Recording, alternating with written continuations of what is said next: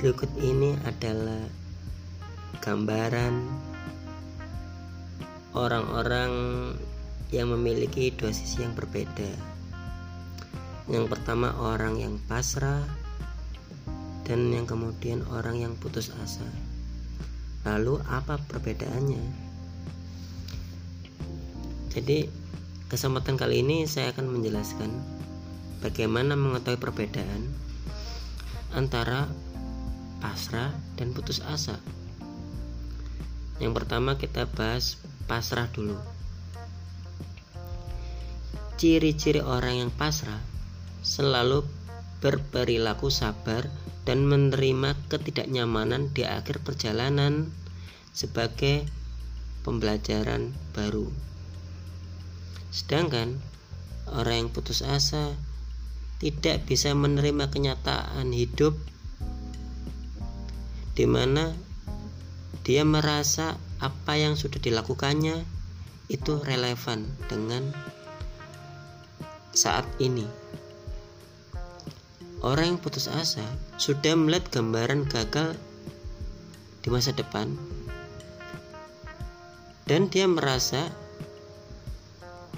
masa lalu dan masa depan sudah tidak ada perbedaan lagi. Itu gambaran orang yang putus asa. Sedangkan orang yang pasrah itu tetap setia melakukan usaha kerasnya demi masa depan yang cerah walaupun saat ini tidak ada orang yang menunggu hasil karyanya. Orang yang pasrah itu sibuk melakukan sesuatu, yang bermanfaat agar dia bisa ditunggu oleh hasil impiannya di masa depan. Orang yang pasrah seperti anak kecil yang bermain layang-layang. Dia terus memegang tali layang-layang itu agar tidak putus. Dan orang yang pasrah itu membiarkan layang-layang itu terbang di tiup angin, layang di atas awan, dan dia selalu menganggap layang-layang itu akan tembus ke pintu langit, yaitu rumahnya Tuhan. Orang yang pasrah menganggap hari esok adalah kesempatan baru untuk memperbaiki kesalahan-kesalahan usang dan mencegah kesalahan yang sama agar tidak terjadi di masa depan. Sekarang kita coba bandingkan dengan orang yang putus asa.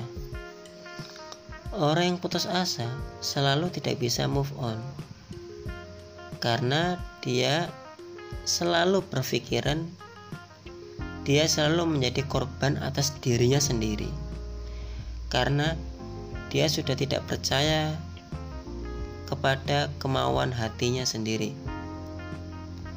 Orang yang tidak bisa move on menganggap hari kemarin sama dengan hari esok. Jadi, orang yang putus asa atau orang yang tidak bisa move on selalu menganggap tidak ada kabar baik dari langit. Akhirnya, dia selalu mengisi hari-harinya dengan drama kesedihan, drama kekecewaan yang seharusnya tidak perlu dipublikasikan ke Tuhan. Satu hal lagi yang perlu kita ingat bahwasanya Tuhan akan berbuat sesuatu yang nilainya setara dengan apa yang dilakukan oleh hambanya. Kalau hambanya sedih karena putus asa, maka Tuhan akan menunggu perubahan sikap dari hambanya sampai hambanya bersedia menerima keadilan dari Tuhan. Satu hal lagi, Tuhan tidak meminta kita untuk memikirkan solusi, tapi Tuhan menginginkan kita untuk fokus terhadap sebuah proses yang mendekati kebenaran seperti halnya tetap beribadah, meningkatkan kualitas ibadahnya, mencari pergaulan atau orang-orang yang senang membicarakan tentang keimanan. Itulah gambaran orang yang pasrah. Mungkin sekian dulu eh, kata-kata uh, inspirasi dari saya. Semoga Anda bisa mengambil hikmah positif dari apa yang saya sampaikan. Semoga bermanfaat ya. Sampai jumpa di lain kesempatan.